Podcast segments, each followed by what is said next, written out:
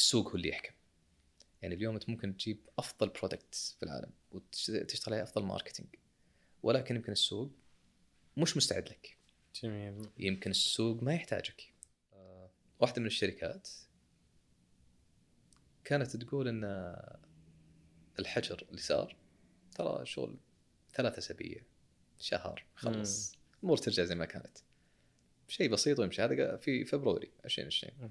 للأسف اللي استهانوا اللي هو بالوضع اللي اليوم طلع من السوق. السلام عليكم. أهلا بكم في شارك بودكاست. معي أنا عويد السبيعي في هذا البودكاست نستعرض تجارب متنوعه في قطاع الأعمال لنتشارك المعرفة والخبرات سواء في تأسيس الشركات وآلياتها وفي كيفية بناء الخطط ودراسات الجدوى ونماذج العمل وأيضا خطط التسعير والتسويق والانتشار. إضافة إلى ذلك نستعرض بعض القصص والحكايا والمواقف المتنوعة التي ترتبط بالمشاريع الناشئة والشركات الصغيرة. نسأل أصحاب تلك المشاريع عن نجاحاتهم وعن إخفاقاتهم وتجاربهم وحتى نصائحهم. نستضيف في هذه الحلقة الأستاذ عبد الرحمن القحطاني. دردشنا مع عبد الرحمن حول التقنية، المشاريع التقنية والاستثمار في التقنية. أيضا حول شركات رأس المال الجريء وحول أبرز النقاط التي تساهم في شد انتباه المستثمرين للشركات الريادية والناشئة وحول تقييم الشركات التقنية وآلياتها والعديد من النقاط الأخرى. أه حياك الله أبو ريما. الله يحييك. شرفتنا في البودكاست وأنا سعيد صراحة أن يعني حصلت هذه الفرصة أن نلتقي بك. أه أبو ريما ما شاء الله أنت ملم في كثير من الأشياء. أنا أعرف إنك ما شاء الله غير التخصص المالي اللي أنت تخرجت منه. أيضا مهتم في الاستثمار وتحديدا في الاستثمار في التقنية. وأيضا أنت على المستوى الشخصي آه، ما شاء الله تقني ماهر. فاليوم خلينا ودي أنا أسأل أول شيء ليش توجهت للاستثمار في التقنية؟ هذا كسؤال أول. وإيش أنت تشوف أيضا مستقبل المشاريع التقنية؟ آه خلينا نبدأ اللي هو الجزئيه الأولى من سؤالك اللي هو الاستثمار في التقنية. آه أنا ودي أفصلها لجزئين، جزئية الاستثمار وجزئية التقنية، لأن هذول هذه الشغلتين آه مثلت جزء مهم من حياتي. فأنا أول ما بدأت بدأت اللي هو بالاستثمار وكان عندي اهتمام كبير بالاستثمار بحكم عمل العائلة في الاستثمار في البرايفت اكويتي والقطاع الخاص في عدد من آه القطاعات فكان لي اهتمام كبير في هذا المجال ومنها الاستثمارات المحلية والعالمية الاستثمارات في ال في ال listed company ولا ال private company فاستمريت في هذا القطاع آه، من التعلم ومن التطبيق عدد من السنوات. ولما وصلت إني أو لما حسيت إني وصلت آه، حد معين اللي هو في مرحلة التعلم وأنا طبيعتي يمكن أحب أستزيد أكثر. فدائما أنظر إلى آخر العلوم آخر المنشورات آخر اللي هو ما وصل له لعلم الشيء الشيء اللي أدرسه في لحظته. آه، فلما حسيت إني وصلت مرحلة معينة من الاستثمار وفهمت آه، الاستثمار من ناحية أكاديمية اللي حبيت إني أتعلم شيء جديد. ووجدت إن عندي شغف كبير في البرمجة والتقنية خلينا نقول عموما. فدائما زي ما أتابع اللي هو أمور الاستثمار كنت أتابع أمور التقنية بوقت الخاص وبنفس الوقت كنت آه، أحاول أتعلم أبرمج بشكل بسيط يعني في أوقات فراغي والحمد لله اللي هو الهواية هذه كبرت وكبرت فاشتغلت بشكل جانبي آه، بنشاط في خلينا نقول اللي هو برمجة المواقع وبرمجة الويب وتطبيقات الجوالات وتطبيقات اللي هو الويب أيضا. آه، فكانت هذه تمثل مرحلة من حياتي. وصدف إني وصلت إلى قطاع يشمل اللي هو التخصصين هذه الاستثمار والتقنية. وكانت هي قطاع الفنشر كابيتال. فاليوم التقنية تمثل جزء مهم من حياتنا في كل القطاعات. وهذا يمكن أكثر شيء يشدني لها. فقد يكون هذه سلبية عند أخوك ولكن يمكن شخصيتي ملولة شوية. فلما تستثمر في قطاع معين تحس إنك يعني دائما راح تشوف نفس الأرقام راح تشوف نفس النشاط راح تشوف اللي شخصيا لا أتحمس له واجد. ولكن في التقنية الجميل فيها إنها تفتح لك أبواب كثيرة. وأبواب أنت ما تعرف عنها شيء. وعلاقات و خلينا نقول نتورك تحس إنه مستحيل توصل لها لولا اللي هو دخولك في هذا القطاع. فعلى سبيل المثال في من التقنية تقنيات اللي هو الطب اللي هي ال health tech أو تقنيات التعليم ال edtech ال education technology أو حتى اللي هو التقنيات المالية ال fintech financial technology فهذه كلها تصنف تحت التقنية اللي أنا ممكن أنظر لها آه، كأحد الخيارات الرئيسية اللي ممكن أستثمر فيها آه، ولكن بنفس الوقت الجميل فيها إنه في عدد من القطاعات. يشملها اللي هو طابع التقنية ولكن كل واحدة آه، خلينا نقول لها صبغة ال industry اللي هي شغالة فيه. فهذا يمكن الأكثر ما يعجبني اللي هو في الاستثمار في التقنية. ودائما صدقا يعني استمتع أكثر ما أستمتع فيه في هذا الجانب هو مقابلة الخبراء في القطاع. فاليوم على سبيل المثال تجينا مثلا شركات في ال insurtech اللي هي insurance tech أو ال insurance technology تقنيات التأمين. ما أفهم شيء في الإنشورنس. كون صادق, صادق معك. فلما تجينا مثل هذه الفرص ونشوف إن أرقامها إيجابية أرقامها جميلة آه، في نمو واضح الفريق فريق آه، قوي تقدر تراهن عليه طبعا في أكيد معايير كثيرة ننظر لها لما نحاول نستثمر ولكن من الأشياء الرئيسية اللي نحتاج نفهمها هل المنتج له حاجة في السوق؟ جميل هل له حاجة في القطاع؟ هذه اللي هي كلها معايير الاستثمار هذه بعض معايير الاستثمار ف خليني أرجع قبل ندخل تفضل. معايير الاستثمار خليني أرجع الجزئية آه، لما قلت إنك بديت في الاستثمار فأنت نعم. بديت فيه في شيء شخصي بديت كش... بشيء شخصي تستثمر أنت بنفسك عن صحيح. طريق مثلا بلاتفورم محددة أو أشياء محددة صحيح. وفي المقابل أيضا في خط ثاني مم. بديت بأنك تبرمج بنفسك فاليوم مثلا تقدر تبرمج تطبيقات مواقع كل بالكامل لله الحمد. يعني لو لو قلت لي أبرمج web application ولا أبرمج mob- mobile application بعدد من اللغات الحمد لله أتوقع ان عندي القدرة الكاملة لهالشيء ما شاء الله وهذا يعني إتقان البرمجة وهذا ساعدك أنك تقدر تصير ملم في المشاريع التقنية كاستثماريا. تعرف مثلا وين نقاط الضعف نقاط القوة هذه التفاصيل؟ صدقا أنا ما توقعت في البداية إنه راح يكون لها أثر كبير ولكن اللي وجدت إنه آه، أثرها كان إيجابي بأكثر بكثير مما توقعت. بمعنى إن إحنا المرحلة اللي نستثمر فيها في الشركات تصنف هي المرحله المتقدمة من عمر الشركة اللي هي ال early stage investment. فلما نستثمر اللي هي في هذه الشركات في عدد منهم من الشركات اللي تجينا مثلا يسوون التطبيقات مع الشركات خارجية outsourcing وفي شركات يعملونها in-house ف فالجزء من ال- الهدف اللي يجونا فيه اللي هو إغلاق الجولة الاستثمارية اللي على أثرها راح يوظفون آه، موظفين برمجة ويكبرون فريق البرمجة وإلى آخره. فمن الأشياء الرئيسية اللي نطلبها منهم نقول أعطونا ال breakdown لل deployment of the investment، وين راح تحطون الفلوس هذه اللي راح نعطيكم إياها؟ فلما يقولون مثلا 30% على سبيل المثال من الجولة راح تنحط في آه، في إنشاء الفريق البرمجة. طيب مين هو فريق البرمجة اللي تحتاجونه؟ والله نحتاج واحد اثنين ثلاثة. هنا يدلك أو يعطيك آه، مؤشر إذا كانت اللي هو ال- الفريق اللي قدامك فاهمين في البرمجة ولا ما هم فاهمين. لأن في ناس يجونك ما معهم مثلا CTO يعطونك كلمات تحس إنها قرأوها في مواقع معينة، توقع إن هذه التكنولوجيا الصحيحة اللي ممكن تستخدم في هذا القطاع وهي فعليا مش هذه التقنية آه، التقنيات الصحيحة لهذا المجال. طيب هل آه. ضروري إنهم فاهمين؟ ممكن يجيبون أحد فاهم. ما دام إنه كان بالفريق تبعهم. فإذا كان عندهم CTO فاهم فهذا مؤشر جدا إيجابي. ولكن اليوم لما يقول لا والله الشركة هذه كان فا... واثق فيها وجيد وممكن تعطينا هالشغل وراح يكون فيها كذا وكذا وكذا. ف مرات اللي تحس إن اللي قدامك مو فاهم لأن لما تدخل في تفاصيل أو تدخل مثلا اللي هو كلمة مثلا يقولونها كثير من الشباب آه، قل لهم هل عملتوا البرمجة in-house عندكم في الشركة؟ قال لا والله outsourcing بس يقول لا لا, تشيل هم ال- ال- ال source code كله موجود عندي. قلت والله ممتاز. قلت تعرف تقرا؟ قال لا ما أعرف اقرا قلت في شيء يضمن لك انها كلها موجودة؟ قال لا ما في شيء يضمن لي. قلت خلينا نفترض إنها كلها موجودة. وش لغة البرمجة؟ اللي تبرمجت عليها؟ قال والله اللغة الفلانية. طيب أنت لا إذا أعطيتك الفلوس راح توظف موظفين مبرمجين صحيح؟ نعم.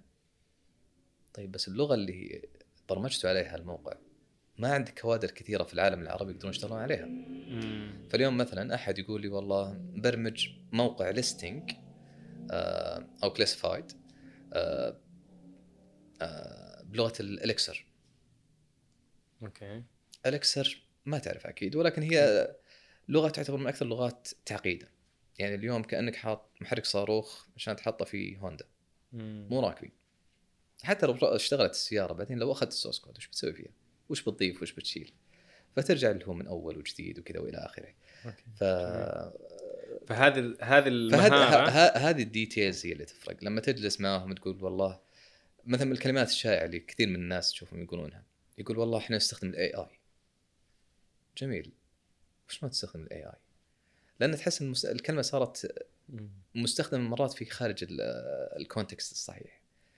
آه، فلما يقول لا والله هم الشركة قالوا بيستخدموا ال AI عشان يعطون recommendation بشكل معين. فلما تدخل في التفاصيل اللي هو ال- الكلام اللي يقولونه مرات ما في artificial intelligence مبالغين عليهم التسعيرات إلى آخره من الأمور. آه، فهذه كل كل معرفتي في التقنية اللي ساعدتني بشكل كبير في أن أقدر أقيم اللي هو الاحتياج الحقيقي للشركة آه، من ناحية عدد المبرمجين والأهم منها اللي هو ال time frame المتوقع اللي هو لإخراج ال features الجديدة آه، أو المزايا الجديدة في ال solution أو التطبيق حقهم لأن بالنهاية الجولات الاستثمارية عادة ينحط لها زي time frame.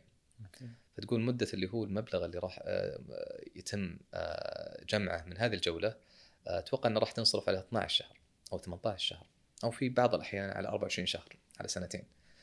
فاليوم لما تقول لي جزء من ال- الاستثمار هذا راح يوضع في إخراج مثلا عشر مزايا جديدة ولكن لما تجلس وتشوف اللي هو المزايا يمكن بسيطة يمكن تقدر تطلع 50 ممكن ما تقدر تطلع ثلاثة. فمثل هذه الأشياء خلينا نقول آه، تساعد صراحة اللي هو في في فهم آه، جاهزية الفرصة بالذات اللي هو في النطاق اللي إحنا نستثمر فيه اللي هو ال early stage. وهذا صدقا يمكن يكون من أكثر ال- الاستثمارات اللي هو تحديا لأن إلى الآن ما بانت الصورة الحقيقية للشركة. فهم لسه مرحلة ال testing مرحلة التغيير. آه، فايضا يرجع لهم من المعايير المهمة اللي هو مسألة ال- الفريق وأهمية وجود قائد فعلا تراهن عليه. بس ما ما ودي يعني أفصل طيب لو. قلنا المعايير الحين هل في معايير محددة؟ يعني أنا أتخيل اليوم إذا جينا كشركة مثلا اليوم عندي أنا شركة إكس وأبغى أقدم للمستثمرين المهتمين في التقنية. جميل. غالبا إيش المعايير اللي ت... يعني تترتب بناء على الأولوية؟ طيب شوف اللي هو بالنسبة للمعايير أتوقع تختلف باختلاف اللي هو المستثمر. فكل مستثمر له معايير ال- الخاصة فيه. ولكن أتوقع بعض المعايير المشترك فيها اللي هي من أهم المعايير اللي هو الفريق أو خلينا نقول المؤسسين بالأصح. لأن اليوم فأول معيار إنه أكثر من مؤسس أصلا. أكثر من مؤسس. بعض الناس ما- ما يشترطون ممكن يقولون عادي أستثمر مع solo founder. آه كثير من الجهات تفضل اللي هو وجود أكثر من مؤسس لأن لا قدر الله إن في مؤسس قرر إنه ينسحب على الأقل انه في مؤسس ثاني آه لسه عنده اللي هو شغف ال- ال- الشركة وعنده فاهم الشركة من أولها لاخرها فيقدر يمسك اللي هو ال position هذا. آه وأيضا اللي هو الاشتراك في القرار مرات. يعني ما ودك ان واحد يكون هو صاحب القرار الأول والأخير في الشركة بالذات اللي هو في ال early stage ولكن مو مو هذه الفكرة. اليوم ال- المعيار الحقيقي فعلا قدرة المؤسس هذا والمؤسسين إنهم يحققون الطموح والأهداف اللي هم واضعينها قدامك. فهذا أتوقع من أهم المعايير الموجودة عند كل الأشخاص. آه، المعيار الآخر آه، حجم السوق. فاليوم إذا كنت تستهدف سوق مرة صغير فاليوم هذا يتكلم على محدودية آه، ال potential الموجود في الشركة هذه. طبعا من أكثر الأشياء اللي تميز الشركات التقنية هي ال scalability سرعة التوسع. جميل. فاليوم أنا ما أستفيد من شيء إنك تتوسع بسرعة على نطاق ضيق جدا. فئة؟ مستهدفة قليلة. الفئة المستهدفة آه، قليلة ولكن نتكلم اللي هو مسألة ال market نفسه حجم السوق. لأن اليوم ممكن يكون مش غلط إنك تستهدف niche group يعني ممكن يكون حجم السوق كبير ولكن تبدأ اللي هو بشريحة معينة جميل. وتقدر تبني عليها. ولكن أساسا إذا كان ال- ال market الكبرى اللي تستهدفه يعتبر market صغير أما كان اللي هو بسبب البلد فأنت مسوي شيء مثلا tailored للبلد اللي أنت فيه. جميل. آه ولقطاع معين أساسا. ف وما تقدر تطلع اللي هو برا هذا البلد. يعني هذا ال use case فقط تنطبق هنا. مم. فهذا أيضا يتكلم على اللي هو محدودية المستقبل. وأتوقع آه، آه، معيار آخر اللي هو جاهزية المنتج. ف... وهي هنا تختلف اللي هو آراء بعض المستثمرين. فبعض المستثمرين منهم المستثمرين الملائكيين ال angel investors اللي بالنسبة لهم ما عندهم مشكلة يستثمرون قبل جاهزية المنتج. بعضهم يطلب مثلا MVP هو minimal viable product بعضهم يطلبون prototype بعضهم يكتفون ب design. وفي ناس يطلبون لا والله اللي وإحنا منهم اللي نطلب لا المنتج لازم يكون جاهز الفريق يكون نوعا ما موجود عشان أقدر أحكم مش على شخص مش على فكرة وأحك وإنما أحكم على هيكلة. آه وبنفس الوقت يكون على الأقل آه نزل السوق آه يعني كم من شهر آه له في السوق عشان نشوف اللي هو تقبل السوق له. لأن اليوم إحنا نقول لكثير من اللي هو رياديين الأعمال اللي يجونا إن اليوم قد تكون أنت ابن السوق وعارف المجال اللي أنت تشتغل فيه وعارف اللي هو البين بوينت الموجودة فيه وتوقع إنه فعلا إن جايب فكرة ممكن تحل المشاكل هذه. هذا كله ممكن يكون حقيقي وصحيح وهذا شيء إيجابي بالنسبة للمستثمرين. ولكن بالنهاية اللي إحنا نقول أيضا السوق هو اللي يحكم. يعني اليوم أنت ممكن تجيب أفضل product في العالم وتشتغل عليه أفضل marketing ولكن يمكن السوق مش مستعد لك. جميل. يمكن السوق ما يحتاجك. صحيح. فهنا نرجع لأهمية مثلا البر- المبرمجين انهم يكونوا موجودين in-house اللي تقدر تعدل تغير تضبط بسرعة تاخذ feedback وترجع تحسن ال product حقك لين ما يأخذ. الصورة اللي فعلا له حاجة لها في السوق اللي هو هذه يسمونها اللي هو finding ال product market fit جميل. فهذه من الأشياء الرئيسية اللي أيضا نمر جميل. فتعدل ال business model تحسن في المنتج إلين يتوائم مع السوق صحيح طيب آه لو سألتك آه، أبو ريما عن الحين آه، مو بشرط كل المشاريع تروح لصناديق الاستثمار الجريء أو شركات صحيح. الاستثمار الجريء ولا هو بشرط كل المشاريع تقنية أيضا فتقدر تتوجه لهذا الأمر. إيش أنواع الاستثمار اللي ممكن اللي موجودة في السوق حاليا؟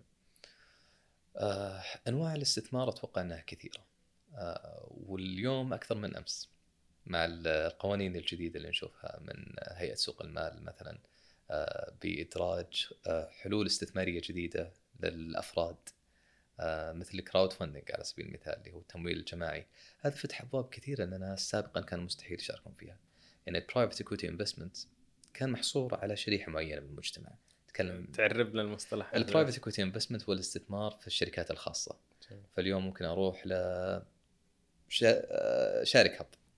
شارك هب شركة خاصة. اليوم أقيمها والله تقييمها 50 مليون 60 مليون أي رقم. آه، بالنهاية أنت ما راح تدخل معك مستثمر إلا إذا كان مبلغ يعني يساعدك على النمو. صحيح.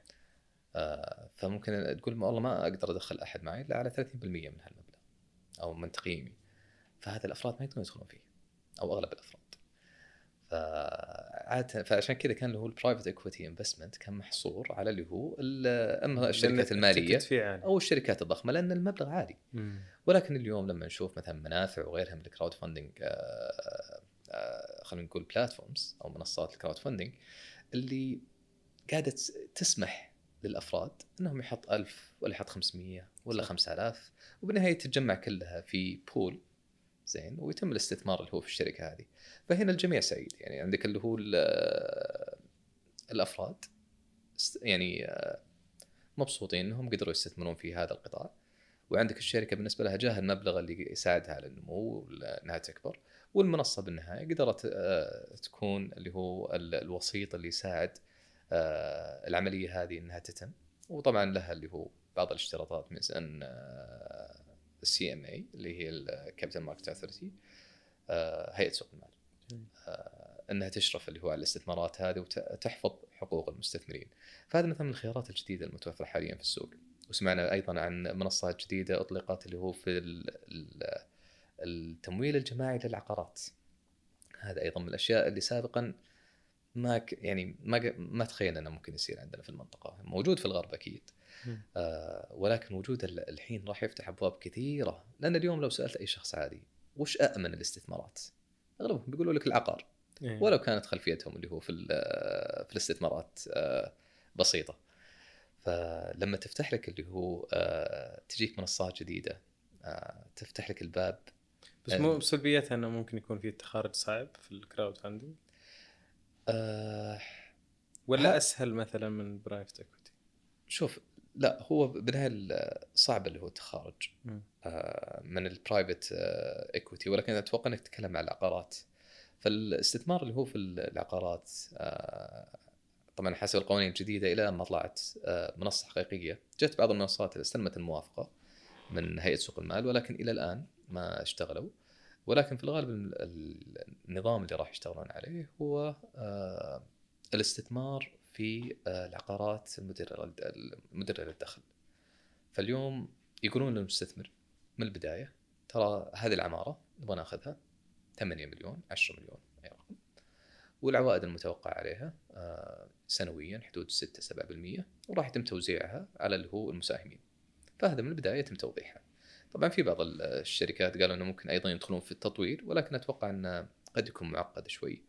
آه، فأتوقع إن الناس أكثر بالذات الأشخاص والأفراد العاديين راح يركزون يمكن أكثر على آه، العقارات المدره للدخل جميل. وطبعا في أكيد يعني خيارات كثيرة للاستثمار منها اللي هو الاستثمار في الأسهم منها الاستثمار في الصناديق ال- اللي الصناديق اللي هو الميوتشال فند صناديق الأسهم وعندك اللي هو الاستثمار في الريتس الصناديق طيب، العقارية قبل.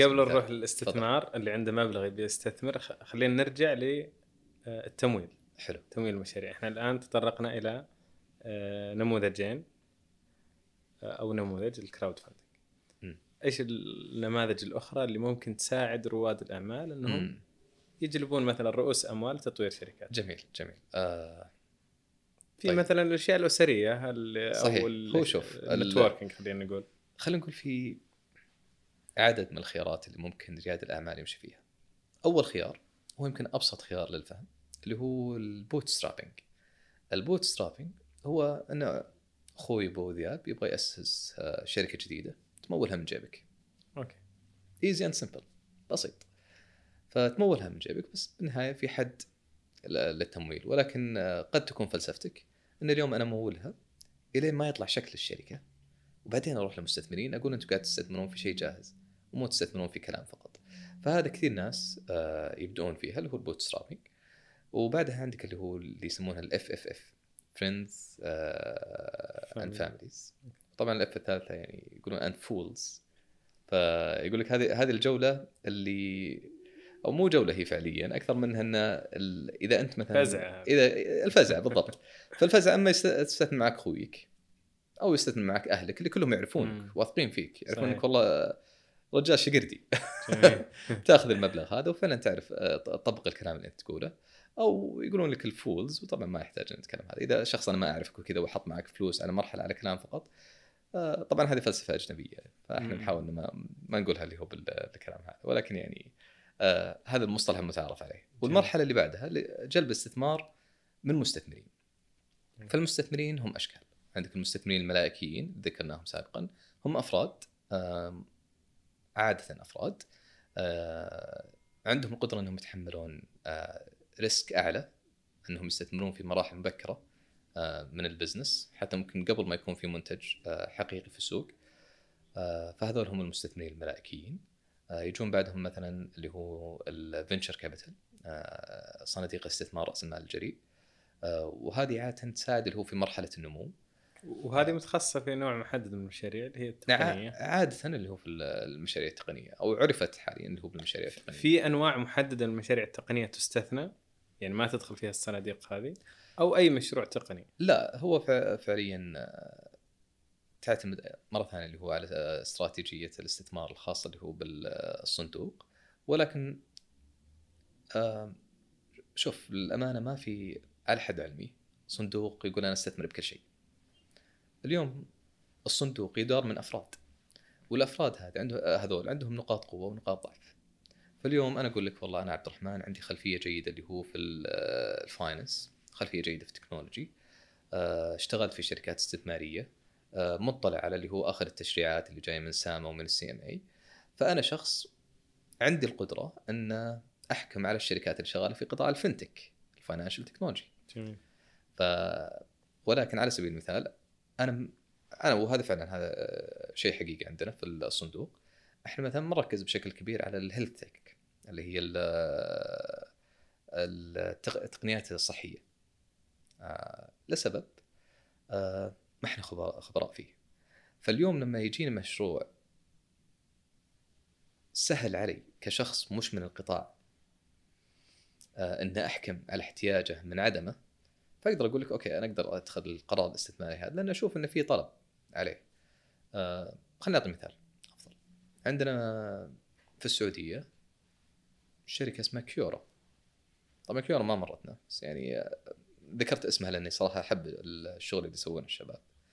آه كيورو ببساطة يربطون آه بين الأطباء وبين المستفيدين أو الأشخاص اللي يحتاجون الاستشارات الطبية عن طريق تطبيق. وبعدين شفنا إن وزارة الصحة أيضا طبقت تطبيق مشابه لهذا الشيء وطلعت بعدها بعض المستشفيات اللي طبقوا أيضا نفس الموديل إلى حد ما مثل مستشفيات سليمان الحبيب وغيرهم. آه، طبعا يفيد الشركة التقنية البحتة أن عندها فلكسبيتي أكثر. فهي تقدر تخدم اللي هو جميع الأطباء من جميع الخبرات أو اللي يشتغلون بأي مستشفيات. آه، فخلينا نقول عندهم أريحية أكثر في الحركة. ولكن بالنهاية الشركات الضخمة والجهات الحكومية عندهم الدعم والاصرار أنهم ينجحون هذا الشيء ويمشون بالموديل اللي هو تم اعتماده لهم. ف نرجع للنقطة الأساسية، كيورو سهل علي كشخص مش من القطاع أن أشوف ال potential، إذا شفت الأرقام وشفت انه في نمو انه والله شهر بعد شهر قاعد يزداد عدد المستفيدين اللي يستخدمون الخدمة. أن أشوف المستفيد اللي آه، استخدمها مرة قاعد يرجع مرة وثنتين وثلاثة. فهذه كلها معايير إيجابية أنا أقدر أبني عليها. طيب آه، أبو ريم بخصوص آه، شركة تقنية ناشئة قدمت عليكم. هل تهمكم كثير الأرقام المالية أو فقط إمكانية التوسع؟ اليوم بالنهاية أنا يعني تحليلي الشخصي التوجه للمشاريع التقنية صار في الآونة الأخيرة كبير وكثير و... وعليه دعم لأن المشروع التقني سهل التوسع. اليوم أنا إذا بفتح مقهى بضطر أفتح كل مرة مقهى مقهى. لكن تقني حمل تطبيق خلاص. لكن ممكن ما يحقق عوائد وأرقام مالية مجزية في البداية. فهل هذا ممكن يأثر على القرار الاستثماري عندكم؟ آه بالنسبة لنا أغلب الشركات اللي تجينا زي ما ذكرت مسبقا إنها تكون في المراحل الأولى من عمرها فيهمنا انه يكون عندها نوع من الفاليديشن انها تكون أثبتت نفسها بشكل من الأشكال. هذه قد يكون لها عدة آه، صور قد تكون أثبتت نفسها من خلال اللي هو النمو اللي تشوفه في العوائد اللي تدخلها. ممكن أثبتت نفسها اللي هو بالنمو في عدد ال users. ممكن أثبتت نفسها إذا كانت مثلا مركزة على ال content فبحجم ال content اللي قدرت تستقطبه. ففي أشكال مختلفة لتقييمنا للشركات حسب اللي هو نموذج العمل اللي يشتغلون فيه ولكن إلى حد كبير آه، كثير من الشركات والصناديق الاستثمارية اللي تقول أنا ما أستثمر في شركة إلا إذا كانت كانت post revenue بمعنى إنها تكون already عندها مداخيل ليه يطلبون هذا الشيء؟ طبعا مش الجميع يطلبها يعني اليوم نعرف كثير اللي هو من الشركات والتقنيات اللي آه، أو التطبيقات اللي نجحت وكان لها صدى ضخم وهي ما دخلت اللي هو عوائد إلا مؤخرا. آه ولكن ليه عادة يطلبونها آه يطلبونها المستثمرين؟ أول حاجة يطلبونها حسب القطاع اللي أنت تدخل فيه. فاليوم إذا كنت مثلا مستثمر في قطاع في ال blogging على سبيل المثال أنا أوفر solutions لل blogging فيمكن ما ما أطلب لحظتها إنه والله لازم تدخل لي فلوس من الحين، لازم تجيب لي اشتراك. لأن it makes sense إنك ما تطلب فلوس الحين. ولكن إذا كنت أنت broker بين طرفين اثنينهم مستفيدين كلهم business فليه ما تأخذ منهم فلوس؟ حتى لو كنت تبغى تستقطبهم حتى لو كان سعر رمزي آه فهنا عادة نت... نفهم إن الفترة الأولى ما تبغى ت charge هم تبغى تكبر ال user base آه أو ال suppliers آه ولكن إحنا آه كمستثمرين أن أتوقع ان نفضل ننتظر الين ما نشوف آه خلينا نقول ال pricing model أو نموذج التسعير اللي راح تطبقه في تطبيقك. ليه؟ خلينا نفترض مثلا أنا والله أنشأت آه، منصة للمقاولين المقاولين بالنسبة لهم يفرق المبلغ اللي آه، آه، اللي يعني كل ريال يفرق معهم. فاليوم إذا بتاخذ نسبة منهم يقول لك لا والله ما راح أدخل التطبيق. حتى لو نستفاد منه المرة الماضية. طيب يمكن لو أخذت منه اشتراك سنوي بيدخل معك. فهذه كلها بتكون trial and error راح تجرب وراح آه، تغير وإلى آخره. وهذه ترى شيء مستمر. خلال حياتك كرائد أعمال في القطاع التقنية ما دام انك تقدم مزايا جديدة ما دام انك تقدم منتجات جديدة بشكل يعني آه، متوقع جدا انك تغير اللي هو الخدمات هذه وتغير نموذج آه، التسعير آه، الين ما تشوف اللي هو النموذج الأمثل اللي تكون ما أبخست سلعتك ولا بالغت بحيث إنك نفرت المستفيدين من هذه الخدمة. وحتى ترى الشركات الكبيرة تسوي هذا الشيء يعني كثير اسمعوا عن جوجل. في مثلا اللي هو آه، جوجل فوتوز كان آه، ترفع الصور unlimited ومجاني. اليوم لا يت charge ونك يحطون limit على اللي هو ال- عدد الصور اللي ممكن ترفعها. إلى آخره من ال- الأمثلة طبعا. شفناها أيضا في تويتر. يعني آه، سابقا تويتر ترى كان الناس يستخدمون عادي. آه، المشكلة الوحيدة اللي فيه كانت ال ads وهذا كانت اللي هو ال main source of revenue اليوم شفنا لا في pro Twitter account في عندك آه، يشبكونه مع آه، بعض ال membership software platforms زي باتريون على سبيل المثال. آه، ففي اللي هو ال pro tweets فهذا تويتر أيضا قاعد تعمل experiment كلنا شفنا اللي هو ال survey اللي نزلت للناس واخذوا بعض المعلومات. فكل عدد من الناس توقع إن هذا هذا ال feature راح تجي. فهذه حياه هذا جزء من حياتك كرائد أعمال في التقنيه جميل. بس زي هذه المميزات يعني تاخذ عمرها تحتاج سنوات عشان ممكن تطلع. يعني ما راح من دي 1 أو من اليوم الأول راح تكون واضحة للفريق. فممكن أحيانا الفريق يظلم نفسه إنه ما يعرض بالطريقة المناسبة. فهل أحيانا إذا الفريق ممتاز يكون في زي الاستثناءات إنه أنا أدخل ممكن عشان الفريق هذا ممتاز؟ ممكن يطور نموذج العمل. لأن غالبا في الأغلب نموذج العمل آه آه يعني كيف تطلع فلوس من السوق ما راح تكون واضحة لك 100% من اليوم الأول زي ما قلت لك ترى من أهم المعايير هي ال- الفريق القائم على الشركة نفسها. ف في القطاع اللي إحنا نشتغل فيه وجود flexibility ومرونة في اتخاذ قرار القرار ضروري. صح إحنا عندنا criteria عشان ما نشطح. بس مرات إذا شفنا في فعلا فرصة في ناس تع- تعرف إنك تقدر تراهن عليهم فهذول الأشخاص ممكن تعطيهم استثناءات. وزي ما قلت لك من أهم المعايير الفريق. ف نعطي مثال الكورونا. تونا طالعين منها إلى حد ما الله يستر قاعدين نشوف آه، أخبار جديدة عن الكورونا متحور. بس إن شاء الله ان تمر أبسط من اللي قبلها. آه، كثير من الشركات تضررت كبيرة وصغيرة. فترة الحجر فترة آه، الكورونا ك 2020 آه، فهنا شفنا الفرق بين ال- الفريق المرن الفريق آه، السريع اللي عنده القدرة على اتخاذ القرار آه، آه، يقدرون خلينا نقول يستقرؤون المستقبل عندهم بصيرة يشوفون فعلا البيانات. يعني على سبيل المثال واحدة من الشركات كانت تقول إن الحجر اللي صار ترى شغل ثلاثة أسابيع شهر خلص الأمور ترجع زي ما كانت. شيء بسيط ويمشي. هذا في فبراير 2020 مم. في شركات قالوا لا تواصلنا معهم. قالوا لا لا لا. وقالوا شفنا اللي هو التحاليل آه، من السي دي سي اللي هو آه، من أمريكا وإن متوقعين إنها تستمر إلى 14 شهر أو 16 شهر. فال business model حقنا ما يتماشى مع الكورونا. وهو فعلا كان ابدا ما يتماشى مع الكورونا. عملوا switch 180 درجة. عملوا switch 180 درجة وهذا كان من المزايا إنه كان الفريق موجود عندهم. آه غيروا حتى طبيعة الفريق اللي عندهم. للأسف بعض الناس اضطروا إنه يمشونهم لأن ما تغير ال business model ما يتناسبون مع ال... بالضبط. okay. آه فقدروا يعملون ال switch رغم إنه وضعهم المادي كان أسوأ من الثانيين. ومع هذا قدروا يستمرون والحين قاعدين ينم- ينمون بشكل ما شاء الله جيد. والثانيين للأسف اللي استهانوا اللي هو بالوضع اللي اليوم طلعوا من السوق. آه okay. فهذا لما أقول لك أهمية ال team وأهمية قدرتهم على اتخاذ القرار جميل. وإنه فعلا ت- يعني أنت شخص تستثمر معه فأنت تراهن معه. تراهن عليه تفضل. آه بخصوص آه، ابو عايد أنواع الاستثمارات الأخرى. آه أنت غير مهتم في مثلا الاستثمار التقليدي والأشياء هذه أو ما تراهن عليها بقوة أو فقط الموضوع هو تركيز وتخصص في المشاريع التقنية شوف هي مو مسألة إني مش مهتم فيه لأن أنا على الصعيد الشخصي أستثمر فيه. بس اليوم. في في شركة في استراتيجية استثمار للشركة.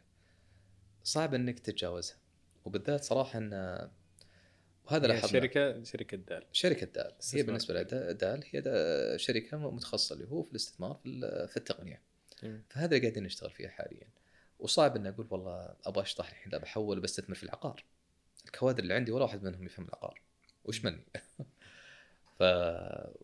وسوق الأسهم أيضا يحتاج اللي هو طبيعة متابعة مختلفة كليا عن اللي آه، متابعة مثلا اللي هو الشركات اللي استثمرنا فيها أو الشركات اللي نرغب في الاستثمار فيها. فتتكلم اللي هو ال mindset ال- الكوادر الموجودة عندك كلها راح تختلف. صحيح كلها استثمار ولكن آه، باختلاف اللي هو الأوعية الاستثمارية تستثمر فيها راح تختلف معك اللي هو آه، ال- الفريق الوقت اللي تعطيه لكل وحده آه، طريقة المتابعة طريقة التحليل. يعني كانت من الأخطاء اللي ارتكبتها صراحة وتعلمنا منها آه، في الاستثمار آه، في التقنية اللي أنا جاي من خلفية استثمار في آه، في العقارات أو استثمار بالأصح اللي هو بال private equity أكثر. ف في طرق واضحة في تحليل قيمة الشركات آه، اللي صار لها عم- عمرها مثلاً 10 سنوات آه، 20 سنة شغاله بقطاعات واضحة في طريقة واضحة اللي هو لتقييم هذه الشركات ولكن لما تجي للتقنية توقعت إني أقدر أطبق اللي هو المفاهيم اللي كانت عندي هذه مم. المفاهيم اللي درستها أيضا للأسف آه، جزء كبير منها. احتجت إني أغير بالضبط لأن اليوم بأي منطق تجيني شركة عمرها سنتين عندها عوائد بسيطة نسبيا تقيم نفسها ب 100 مليون مم. طيب وش المعايير اللي أحتاج آه، أقيم على طريقها؟ يعني لما أشوف جولات استثماريه قفلت بهالمبالغ كنت في البداية كنت أقول دقيقة دقيقة شلون شلون قيمتوها في شيء غلط. في شيء غلط. آه، فهذا خلاني أيضا آه، أقابل عدد من آه، الأشخاص اللي اشتغلوا قبلي في هذا المجال وأفهم منهم طريقة تحليلهم اللي هو للشركات هذه. حاولت أدرسها أكثر آه، أقرأ عنها أكثر. عطنا نبذه عنه كيف عاده المشروع التقني يتم تقييمه؟ آه، طيب هذه أيضا ترجع آه، إلى عمر آه، الفرصة اللي أنت تبغى تستثمر فيها. جميل. تمام؟ آه، ويعتمد أيضا إذا مثلا كانت pre-money ولا post-money إذا كان عندها مداخيل أو ما كان عندها مداخيل. جميل. آه، فتختلف طريقة الاستثمار بس يمكن من أشهر الطرق في تحليل آه، ال- آه، الشركات الناشئة التقنية اللي هي ال discounted cash flow ينعمل forecast للنمو اللي هي قاعد تسويه من ناحية العوائد في الغالب ويقاس عليها. آه، قيمة الخروج أو آه، القيمة اللي هو إلى ما آه، إلى ما يدخل المستثمرين في الجولة اللي بعدها وتقيس عليها اللي هو ال valuation المستقبلي. يعني فأنت فعليا تقيس على ال potential آه أنت مش- مش على حساباتك على. المستقبل. كلها على المستقبل. الوضع الحالي ما يقاس. بالضبط. خصوصا وهذا ما عندها أصول ما عندها assets بالضبط. مم. وهذا طبعا يعني للأسف آه، آه، مخاطرة يا أخي غير إنها مخاطرة إن فيها guess work كبير مم. لأن فعليا توقعات غير غير. التوقعات هم يكونون لسه في مرحلة التجربة مم. زي ما قلت لك تجربة مثلا ال pricing model اللي بيشتغلون مم. عليه آه، تجربة ال marketing فاليوم هم مثلا شركة والله كان عندهم نمو جميل بس إلى الآن ما سووا marketing طب لو سووا marketing ممكن الأرقام تض- تض- تضرب بعشرة آه، طيب الأرقام هذه محطوطة على ال core features الموجودة اليوم. بس هم عندهم في ال plan إنهم يضيفون ستة آه، ستة آه، مزايا جديدة آه، جوهرية. ففي هذه الحالة هل أضربها بستة الأرقام هذه أو أضربها بال double. ف... ف يعني تدخل فيها جزء اللي هو من ال guess work وهنا أيضا تجي الاختلاف بين ال- ال- الشركة الاستثمارية والشركة الناشئة. الشركة الناشئة تقول شوف إيش سويت في البلان اللي كانت عندي. هذه الارقام اللي قدرت أحققها وأنا عارف إني أقدر أحقق 10 آه، أضعاف الأرقام هذه إذا أضفت كذا وكذا وكذا وكذا أو سوقت بالطريقة كذا وكذا كذا. فهنا أقول آه، طب أنت واثق من هالشيء أنت اشتغلت اللي هو بالشركة بس آه، يمكن أنا ما عندي اللي هو هالثقة في القطاع على سبيل المثال. آه، أو يمكن ما أتفق معك إن ال- ال- المزايا اللي بتضيفها فعلا تقدم قيمة مضافة للشركة اللي أنت قاعد تسوقها الحين للناس. فهنا تدخل مرحلة اللي هو المناقشات بين المستثمر وبين ال- الشركة الناشئة إلى ما أن يعني نوصل إلى نقطة التقاء. وهنا تتم عملية الاستثمار. جميل. آه، جزئية التقييمات وتقييم الشركات الناشئة يعني ما تحس في نوع من المبالغة في هذا الموضوع؟ أرقام فلكية على أفكار أحيانا مو حتى شركة قائمة. صحيح. طيب آه، في طريقة منهجية نوعا ما في تقييم اللي هو الشركات الناشئة ولكن نفس الوقت آه، تدخل بعض ال خلينا نقول العناصر اللي ممكن ترفع وتبالغ اللي هو في التقييمات هذه. فعلى سبيل المثال القطاع اللي أنت تشتغل فيه. مثلا ندرة القطاع. على سبيل المثال ال fintech. ال fintech من القطاعات اللي كثير ناس يبالغون في التقييمات حقتها. ليه؟ لأن في barrier في entry مو أي واحد يقدر يدخل. يعتمد على نوع اللي هو النشاط اللي تسويه ولكن تحتاج مثلا تراخيص من ساما أو من ال CMA وهذا الترخيص ممكن تاخذ سنة ممكن تاخذ ست شهور. فمثل التراخيص هذه ما يوزعونها لكل شخص. والحين أساسا في ناس يقولون في عدد كبير مقدمين على الرخص هذه الموجودة حاليا في السوق ومع هذا مو قاعد يجيهم القبول لأن إلى الآن لازم يراجعون ملف ورا ملف دقيقين جدا في إعطاء فلما الواحد يعرف قيمته تعرف ندرة الشيء تزيد قيمته. صحيح. فهذا من الأشياء مثلا اللي ترفع قيمتها. آه وعلى سبيل المثال كثرة اللي هو المستثمرين. أيه. فاليوم لما يزدادون المستثمرين وتعرف مثلا الفرص الجيدة محدودة فبيصير تنافس على الشركة الشركات هذه. طيب اليوم أنت أبو دياب لما يجيك والله مستثمر قال لك قيمتك العادلة مثلا في شارك هاب 50 مليون على سبيل المثال. وأنا أبغى أستثمر معاك بهالمبلغ. والله جاك واحد ثاني قال أنا أشوف ان البوتنشل فيك أكبر بقيمك 100 مليون. أعطيك نفس المبلغ اللي طلبته. ايهم بتروح معه انت كشخص. طبعا التقييم الأعلى. التقييم الأعلى. فهنا تصير منافسة بين المستثمرين. كل واحد يبغى يدخل بشارك هاب. هذه الشركة اللي قاعدة تنطلق بشكل كبير. فلما كلهم يتنافسون اللي قاعد ينحرف تقييم كان التقييم العادل. مم. وطبعا هذا مو دائما إيجابي. بالذات إذا آه، صار في المراحل العمرية الأولى للشركة. إذا كان فعلا التقييم مبالغ فيه جدا فهذا قد يضر الشركة في التقييمات المستقبلية. مم. فاليوم مثلا الشركة آه، تقييمها العادل 8 مليون. نقول لو بالغت ممكن تروح على 10 مليون 12 مليون. بس خلينا نقول لسبب من الأسباب قيمتها ب 40 مليون. هو هذا فعليا ما راح يجيك محلل ويقول لك هذا فعلا القيمة العادلة لها ولكن قدر يجيب مع مستثمرين هذا الشيء. طب في الجولات اللي بعدها وش بتسوي؟ بتخليها 200 مليون؟ أوكي ممكن مشت معك مرة تمشي معك ثانية. بس بتوصل مرحلة اللي ما تقدر تمشي. اللي أساسا لما تبدأ مرحلة المليار وكذا في شريحة معينة يدخلون يقولون هذه مو قيمتك العادلة. لازم نعمل لك discount فهذه يمكن من أفضل أو خلينا نقول من أسوأ الشغلات اللي ممكن تصير للشركات الناشئة. اللي تقول إني دخلت مستثمرين جدد معاي ولكني آه، خسرت آخر مستثمرين دخلوا معي لأن اضطريت أن أقلل قيمة الشركة. فاليوم جيد أن جيد أن الشخص أو رائد الأعمال انه آه، ينظر بحكمة لهالموضوع. لا يشوف دائما اللي هو الاكبر تقييم. يشوف أيضا اللي هو بالفائدة اللي ممكن يحصل منها من المستثمر الجديد. وهذه أيضا من الأشياء المهمة آه، رواد الأعمال. يعني زي ما تكلمنا قبل شوي انه صار في خيارات تمويل كثيرة أكثر من أول بكثير. فاليوم مثلا رائد اعمال يقول أنا إنسان فاهم ال field اللي أنا شغال فيه. ما أحتاج أحد يفتح لي أبواب. ما أحتاج guidance ما أحتاج مساعدة اللي هو في ال hiring ما أحتاج mentorship ما أحتاج الأمور هذه كلها. ممكن أروح أروح crowdfunding أبغى فلوس وخلاص لا أحد يكلمني. أنا عارف إيش أسوي. شغال في ال field مثلا 20 سنة. ايا كان. شخص آخر يقول لا. طبيعة عملي تحتاج أحد يفتح لي أبواب. أو أحد يعطيني شوية mentorship أو احد يدخل معي في مجلس الإدارة ويساعدنا على اتخاذ القرارات المهمة لأن أبغى أحمي حقوق المستثمرين اللي معي فهنا أروح له والله ل VC ما أروح ل crowdfunding فهذه أيضا من الأشياء اللي يمكن رائد الأعمال جيد انه ينظر لها. أه بوريما بخصوص التوجه ده الاستثماري أه هل في آلية محددة؟ نوع المشاريع واضح المشاريع التقنية. في مشاريع محددة داخل التقنية آه، النطاق الجغرافي هل هو محدد لكم أو تستثمرون بحسب الفرصة المناسبة؟ والله إحنا بالنسبة لنا بالنسبة اللي هو للفيرتيكلز أو المجالات آه، اللي داخل التقنية اللي نستثمر فيها تعتبر نوعا ما واسعة. آه، ولكن خلينا نقول من أهم العناصر اللي نستثمر فيها أو الأشياء اللي ننظر لها في الشركة اللي هو سرعة التوسع وخلينا نقول إمكانية التوسع. آه، فطبعا إذا كنا بنسمي بعض المجالات اللي نستهدفها اللي هي ال- ال fintech نستهدفها بشكل كبير.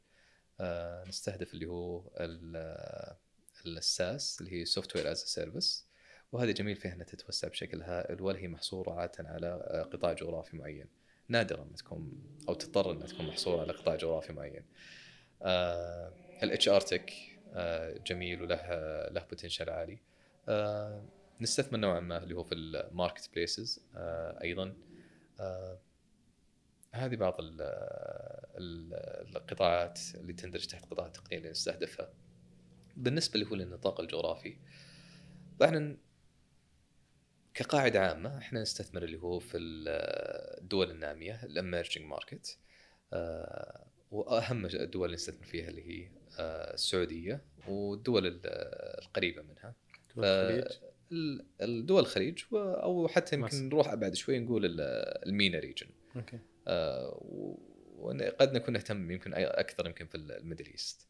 آه، ولكن أيضا آه، عندنا قد تكون ميز ميزة مختلفة عن بعض ال VCs أو الصناديق الموجودة عندنا في المنطقة. هي ال- الاستثمار في آه، دول نامية خارج نطاق ال MENA وخارج باكستان أيضا. باكستان من الدول اللي نستهدفها ولكن إحنا ركزنا أكثر على Southeast Asia. ففي دول آه، كثيرة هناك آه، جنوب شرق متعطشة. جنوب شرق آسيا متعطشة للمستثمرين الخارجيين. آه، ال market potential فيها عالي. وبعض الدول هناك يتوافق بعض نمط حياتهم مع الدول العربية وبعضها يتوافق اللي هو مع السعودية بالأخص. فلما نستثمر في شركة موجودة في هذيك المناطق اللي آه، نتأكد إن ال business model حقهم أو من الأشياء اللي نأخذ بالاعتبار فيها إن ال business model حقهم قابل للتوسع في السعودية. فإحنا بالنهاية كشركة سعودية يهمنا اللي هو آه، جلب فرص جديدة اللي هو للبلد آه، تعزيز المحتوى المحلي توظيف اللي هو الكوادر السعودية. فلما نستثمر اللي هو في شركات خارجية اللي نشوف إن عندهم القابلية مثلا للتوسع للسعودية في المس- في المستقبل أو التوسع للخليج ووضع ال- الم- الموقع الرئيسي لهم في السعودية. فإن كان لهم القابلية هذه فهذا عادة يعطينا حافز أكثر للاستثمار معهم. وإذا جاء الوقت أو آه، العمر المعين أو الجاهزية المعينة اللي يوصلون لها إنهم يتوسعون للسعودية نحاول نكون إحنا ال- الدور اوبنر زي ما يسمونهم اللي هو الجهة اللي تفتح لهم الابواب في المنطقة. نساعدهم اللي هو في استقطاب الكوادر المحلية. آه، نحاول آه، آه، ناخذ كل التراخيص المحتاجين لها عندنا أيضا في المنطقة. وهذا أتوقع جزء من سياسة الدولة في الفترة القادمة اللي هو است- استقطاب اللي هو الكفاءات العالمية ووضعها في السعودية لدعم البلد واقتصاد البلد والمجتمع. جميل جميل. آه الله يوفقكم أبو ريما إن شاء الله. وأنا صراحة سعيد بهذا اللقاء. الله يرضى عليك. أشكرك على وقتك وتلبيتك لهذه الدعوة. بإذن الله. ما يكون هذا آخر لقاء ونحتفل جميعا إن شاء الله باستثمارات ناجحة لصندوق دار وشركة دار بإذن الله بإذن الله. يعطيك العافية. ألف شكر حبيبي. الله